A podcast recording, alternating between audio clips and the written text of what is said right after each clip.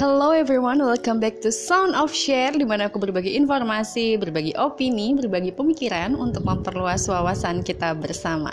Oke, kali ini aku pengen bahas tentang self-acceptance. Ini merupakan tema yang udah lama banget pengen aku uh, obrolin, diskusiin sama kalian semua Karena ini juga uh, salah satu tema yang aku sempat bikin pollingnya di uh, feed Instagram aku uh, Barengan sama Munchausen by Proxy gitu. Dan cukup banyak juga sih yang pengen tahu lebih dalam tentang self-acceptance dan aku sendiri pribadi memang tertarik untuk uh, ngobrolin masalah ini karena uh, bagi aku sendiri mengetahui lebih dalam tentang self acceptance dan berusaha mengaplikasikannya dalam kehidupan itu benar-benar change my life banget gitu. Jadi itu bantu kita merubah pola berpikir, bantu kita uh, dalam menghadapi masalah dan bantu kita untuk terus berkembang menjadi lebih baik menurut aku. Tapi sebelum ke aplikasinya tentu kita harus uh, tahu dulu dong sebenarnya makna atau maksud dari self acceptance itu kayak apa sih gitu. Kalau dari segi bahasa bahasa sih kita pasti bisa tahu ya self acceptance in Indonesia berarti ya lo bisa menerima diri lo sendiri. Tapi apakah seklise dan sejayus itu gitu? Uh, kita coba kupas lebih dalam. Nah sebelumnya sebelum kita benar-benar masuk gitu ya ke definisinya, ke penjelasannya, aku pengen nanya dulu deh sama teman-teman semua. Kalian pernah nggak sih nanyain ke diri kalian sendiri gimana hubungan kalian dengan diri kalian, baik atau enggak, lagi bermasalah atau enggak? Aku yakin pasti mostly jarang ya lebih banyak kita tuh uh, menanyakan hubungan itu terkait dengan interpersonal atau dengan orang lain kayak gimana hubungan kamu dengan si A, gimana hubungan kamu dengan si B, dengan pacar kamu, dengan teman kamu, dan keluarga kamu. Ya itu emang paling common sih, yang paling sering kita tanyain. Tapi tahu gak sih sebenarnya hubungan interpersonal antara diri kita dengan diri kita sendiri itu penting banget. Dengan mengetahui dan memastikan hubungan kita dengan diri kita sendiri itu baik, itu akan membuat um, secara mental itu pondasi kita tuh lebih kuat dan lebih sehat gitu. Nah ini terkait dengan self acceptance karena self acceptance itu adalah salah satu bentuk dari hubungan antara diri kita dengan diri kita sendiri. Nah kamu sendiri pernah juga nggak sih uh, coba mengetahui atau mencari tahu sebenarnya kamu tuh udah bisa nggak sih nerima diri kamu utuh apa adanya 100%? Ya aku tahu sih ini kalimatnya terdengar uh, klise banget atau terlalu um, quotes banget gitu ya terimalah diri kamu sendiri apa adanya gitu. Tapi itu real teman-teman. Itu emang bener-bener bisa dan perlu dilakukan. Jadi salah satu tujuan kita untuk dicapai gitu. Bener-bener nerima diri kita sendiri. Kebanyakan orang-orang tuh gampang untuk nerima hal positif yang ada di diri mereka gitu. Kadang beberapa orang itu malah ngebragging hal-hal positif yang ada di mereka. Tapi banyaknya atau seringnya orang-orang itu justru menutupi negatifnya mereka gitu. Dalam artian uh, mereka tuh denial tidak meyakini bahwa kenegatifan itu ada dengan cenderung menyalahkan orang lain atau misalnya menyalahkan lingkungan gitu. Atau mungkin mereka menutup-nutupi hal tersebut. Nah ini yang bikin self acceptance kita tuh nggak pernah bisa 100% sempurna. Karena yang namanya self acceptance itu harus bisa nerima positif ataupun negatif yang ada di diri kita seutuh-utuhnya menjadi bagian dari diri kita untuk kemudian kita tingkatkan gitu kurang lebih kayak gitu ya tentang self acceptance secara umum gitu jadi kenapa self acceptance ini jadi agak sulit karena orang-orang apalagi yang insecure orang-orang yang berkaitan dengan complexionnya dia gitu untuk menerima hal yang negatif itu menjadi hal yang pernah dia lakukan atau hal yang dia miliki itu pasti akan jadi sangat sulit gitu. Oke, okay. sebelum lebih lanjut lagi ngebahas self acceptance itu dan pengaplikasiannya um, di dunia klinis gitu ya, atau di terapi atau dalam menghadapi permasalahan, kita perlu tahu dulu definisinya apa. Um, aku tahu ini agak-agak berbau berbau berbau berbau teoritis sedikit, tapi menurut aku penting ya. Aku ambil random aja beberapa untuk kita bisa uh, agak tahu lah secara um, akademis dan secara ilmiahnya apa sih sebenarnya self acceptance itu? Nah, menurut Selzer ini um, tahun 2008 ya, uh, beliau menyatakan bahwa self acceptance itu merupakan penerimaan diri sebenarnya. Jadi menerima dan membebaskan siapa diri kamu tanpa kualifikasi, tanpa kondisi tertentu ataupun pengecualian. Ini aku kutip dalam bahasa Indonesia, aslinya dalam bahasa Inggris ya teman-teman. Lalu untuk definisi secara akademisnya menurut Morgan College di tahun 2014, self acceptance itu adalah penerimaan diri seseorang atas semua atribut dirinya mau positif ataupun negatif. Ya ini sebenarnya kurang lebih mirip ya sama yang aku jelasin tadi di awal. Jadi intinya self acceptance itu penerimaan diri kita seutuhnya yang kemudian bertujuan untuk dapat mengembangkan diri kita kemudian. Itu sih yang kalau aku simpulin ya dari definisi-definisi yang ada. Nah permasalahannya seperti yang aku bilang tadi, nggak gampang kan untuk menerima hal-hal negatif yang ada di dalam diri kita. Tapi hal itu sendiri yang menghambat self improve kita. Padahal self improve itu yang kemudian memiliki peran penting untuk mencapai uh, self development gitu ya. Mencapai perkembangan diri growing keep up dan terus menjadi versi terbaik dari diri kita itu yang akan bikin sulit gitu.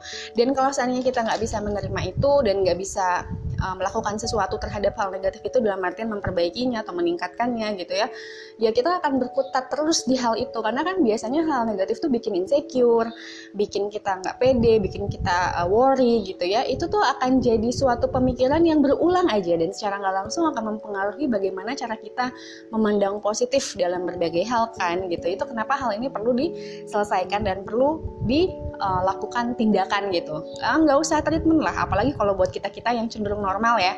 Kita nggak usah treatment pergi ke psikolog dan lain sebagainya tapi minimal kita harus memahami bahwa kita memiliki kekurangan dan kelebihan dan itu kodrat manusia. Dan itu kita harus terima dan harus kita upayakan untuk memaksimalkannya gitu. Jadi kayak mulai mengenali diri sendiri lebih banyak berbicara dengan diri sendiri dalam artian positif ya. Menganalisa introspeksi diri kemudian memperbaiki hal-hal yang memang menurut kita perlu diperbaiki gitu. Next selain dari uh, tokoh-tokoh atau uh, ahli-ahli tadi yang menyatakan definisinya tentang self acceptance, aku juga sempat baca gitu terkait tentang terapis yang uh, banyak menggunakan aplikasi unconditional self acceptance ini di dalam terapi-terapinya mereka gitu ya. Itu kayak sebagai uh, fakta atau bentuk nyata dari gimana sih self acceptance itu bener-bener penting banget loh untuk menjaga kesehatan mental kita ya sebagai individu. Menurut Russell Greger, terapis itu ya tahun 2013, kutipannya nih, uh, beliau menyatakan bahwa uh, unconditional self acceptance itu adalah ketika kita bisa menerima diri kita apa adanya tadi ya positif dan negatif tapi kita memisahkan tindakan terutama yang negatifnya itu dari identifikasi diri kita. Jadi untuk uh, mempermudahnya ketika kita melihat kita tuh punya sisi negatif atau melakukan hal negatif kita terima itu sebagai hal yang pernah kita lakukan atau sebagai hal yang kita miliki, tapi kita tidak menjadikannya sebagai generalisir dari identitas diri kita, terpisah. Jadi tindakan dengan kualitas diri itu terpisah. Itu yang akan memberikan kita power untuk dapat merubah si yang negatif itu. Seringnya orang-orang yang um, punya tadi ya insecurity dan complexion tadi menganggap si negatifnya itu adalah diri dia. Oh udah gue negatif deh, gue gagal, gue jahat, gue nggak benar, gue nggak mungkin ke mana-mana. Itu kan yang bikin uh, hope, harapan, drive, power untuk kita berubah, untuk kita uh, mengoptimalkan diri kita tuh jadi hilang kemudian nanti akan berakhir ke anxiety, uh, frustrasi, uh, depresi, and whatever.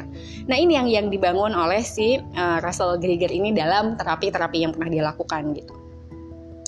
Nah, ketika unconditional uh, self acceptance ini berhasil kita aktifkan, kita berhasil memisahkan antara tindakan atau hal-hal itu dengan diri kita sendiri, kita menyadari itu hal yang terpisah dan kita punya kontrol akan hal itu, itu akan dengan sendirinya memencet saklar kita untuk mencintai diri sendiri karena kita menyadari bahwa diri kita tuh punya lebih punya kurang. Dan bagus juga sih kalau menurut aku digeneralisir bahwa semua manusia itu pasti punya lebih punya kurang. Kita terima kodrat kita um, terus opini pribadi aku kita libatkan juga um, peran Allah atau peran Tuhan di dalam kehidupan kita. Kita percaya bahwa beliau pasti punya sesuatu untuk kita beliau mempercayakan kita dengan hal seperti ini untuk dioptimalkan dan percaya dengan takdir combine bisa jadi suatu uh, formula dalam menjalani hidup dan pola pikir ah udah aku jamin kita bisa cinta diri sendiri dan kita bisa memaksimalkan diri kita seoptimal yang kita bisa untuk menjadi pribadi yang lebih baik lagi gitu. Jadi hal ini akan membebaskan diri kita seutuhnya gitu dan kita akan ngasih power yang unlimited untuk terus memperbaiki diri terlepas dari gagal atau enggak, terlepas dari benar atau enggak. Dalam artian benar atau enggak tuh jalannya tuh udah benar belum sih gitu kayak jalannya tuh udah efektif dan efisien gak sih untuk mencapai itu? Ternyata kita di, di prosesnya tuh belok-belok gitu ya. Ya kita terima itu sebagai proses tapi yang penting goalnya adalah kita ingin menjadi diri yang lebih baik dengan menerima diri kita apa adanya saat ini gitu.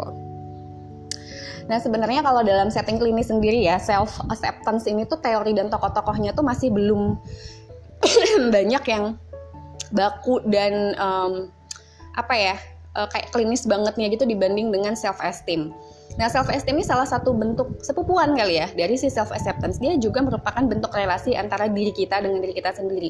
Cuma kalau self esteem ini lebih ke penilaian ya. Kita tuh nilai diri kita tuh berharga atau enggak, kita nilai diri kita baik atau enggak gitu. Tapi kalau self acceptance tuh lebih kepada uh, penerimaan apa adanya, apa adanya diri kita gitu untuk kemudian uh, do something later gitu ya. Jadi uh, self acceptance ini uh, berdasarkan penelitian tuh terbukti uh, mampu meningkatkan self esteem. Jadi kalau self acceptance-nya bagus, uh, itu akan meningkatkan self esteem lebih baik. Nah, ini juga terbukti di setting-setting uh, klinis ya.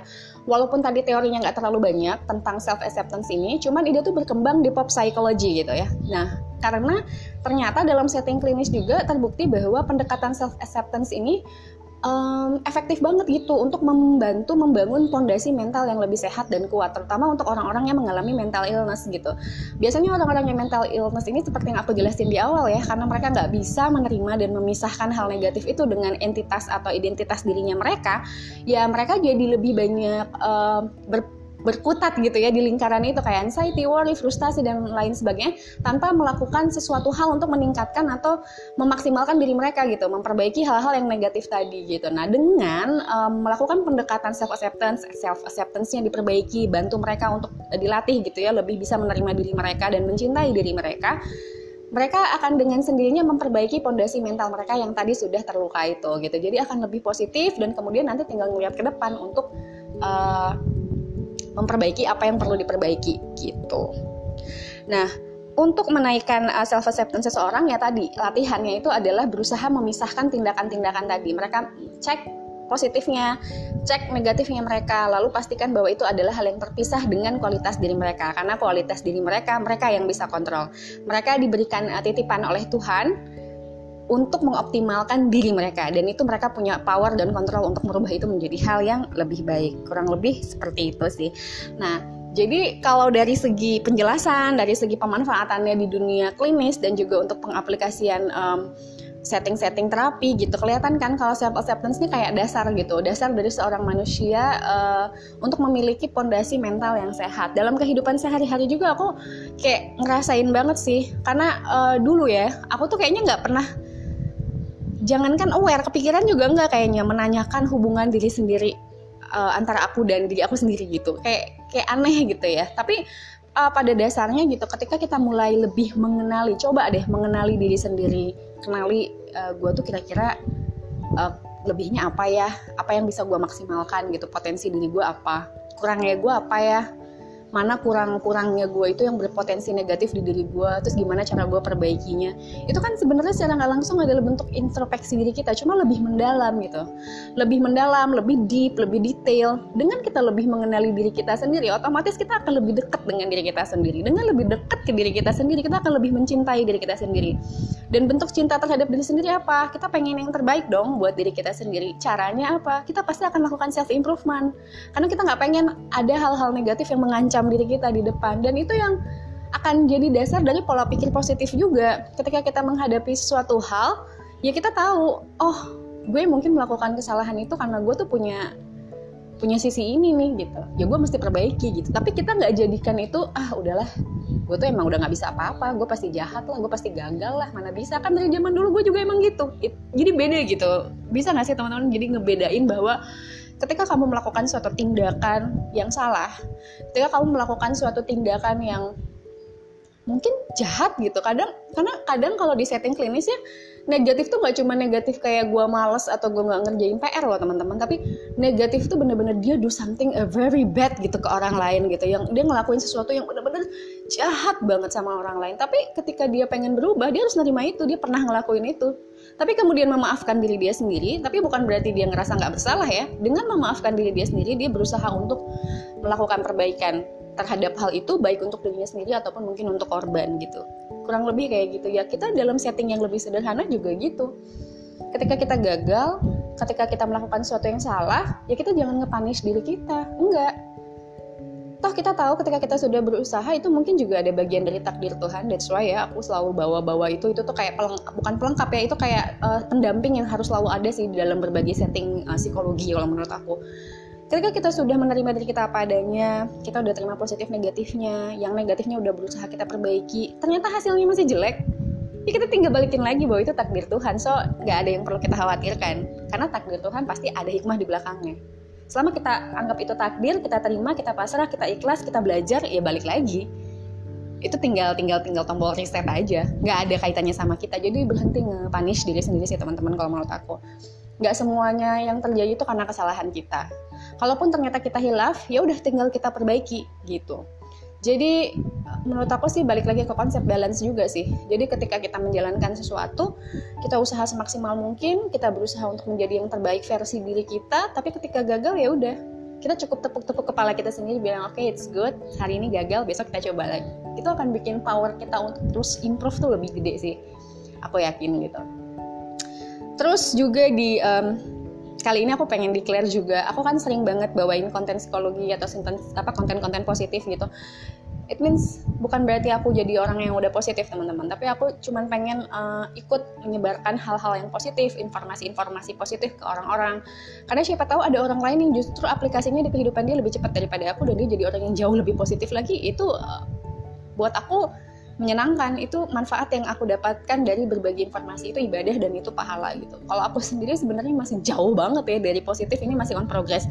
Masih jauh banget juga dari self acceptance aku baru aku baru uh, gimana ya kayak mengerti aku positifnya aku gini negatifnya aku ini dan aku sedang berusaha untuk uh, memperbaiki hal-hal negatif. Tapi kadang dalam proses memperbaikinya tuh masih ada bener enggak bener enggak gitu on track enggak on track enggak ya it's okay gitu. Itu bagian dari aku uh, proses aku mencapai hal itu gitu. Tapi aku nggak bikin jadi daun bawah ya udahlah gue kayaknya nggak bisa nggak apa-apa nggak uh, apa-apa lah gue gini aja. Itu self acceptance yang kurang tepat kataku. Maksudnya baru separoh. Kalau kataku yang 100% yang harus dicapai itu ya udah gue terima gue kayak gitu tapi gue yakin gue bisa rubah karena gue punya power untuk itu gitu. Jadi itu gue lagi itu aku lagi on progress gitu. Dan aku harap juga informasi ini bermanfaat buat teman-teman. Um, di sini tuh uh, mungkin misalnya aku rada ngerasa kayak uh, bertumpang tindih ya antara uh, apa sih aplikasi pendapat dan opini dengan teori-teori uh, yang uh, berbau ilmiah uh, scientific kayak gitu. Tapi sebenarnya target aku tuh aku pengen ngebawain tema atau uh, topik yang uh, di dalamnya ada uh, boost tentang uh, gimana ini tuh penting untuk dijalankan di kehidupan kita sehari-hari dalam setting normal. Tapi aku juga pengen masukin kayak data-data ilmiah dan saintifiknya gitu untuk menambah informasi dan wawasan kita juga gitu. Tapi aku nggak tahu sih ini jadinya ngeblended banget atau enggak. Namanya juga aku masih belajar. Mudah-mudahan ini um, membantu dan bermanfaat gitu ya untuk teman-teman semua. Jadi ibadah buat kita semua dan jadi uh, sarana dan wadah untuk meningkatkan ilmu kita bersama ya teman-teman. Oke, aku mohon maaf kalau misalnya uh, ada yang salah atau ada yang kurang nyaman dalam mendengarkannya tapi aku makasih banget atas partisipasinya buat yang udah mau ngedengerin baik itu cuma satu atau dua orang ketika ini bisa memberikan impact dan manfaat bagi mereka itu aku udah nyapai uh, kebahagiaan banget gitu karena tadi goal aku untuk uh, menjadikan channel ini useful dan jadi uh, lahan ibadah berarti sedikit banyak sudah tercapai. Oke, terima kasih teman-teman atas uh, perhatiannya. Have a good day, have a positive life and bye.